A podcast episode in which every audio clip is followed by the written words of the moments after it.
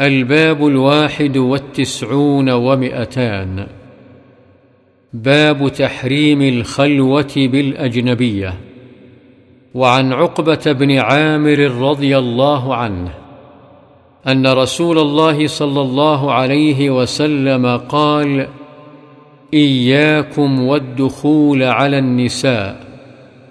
فقال رجل من الأنصار أفرأيت الحمو قال الحمو الموت متفق عليه.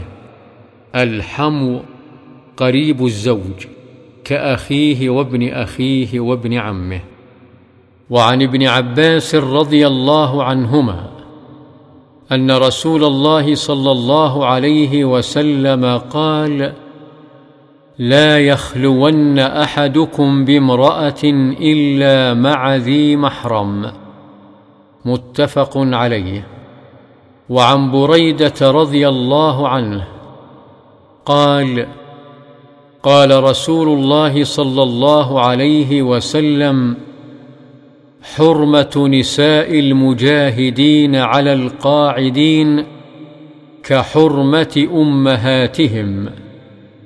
ما من رجل من القاعدين يخلف رجلا من المجاهدين في أهله فيخونه فيهم إلا وقف له يوم القيامة فيأخذ من حسناته ما شاء حتى يرضى. ثم التفت إلينا رسول الله صلى الله عليه وسلم فقال ما ظنكم؟ رواه مسلم.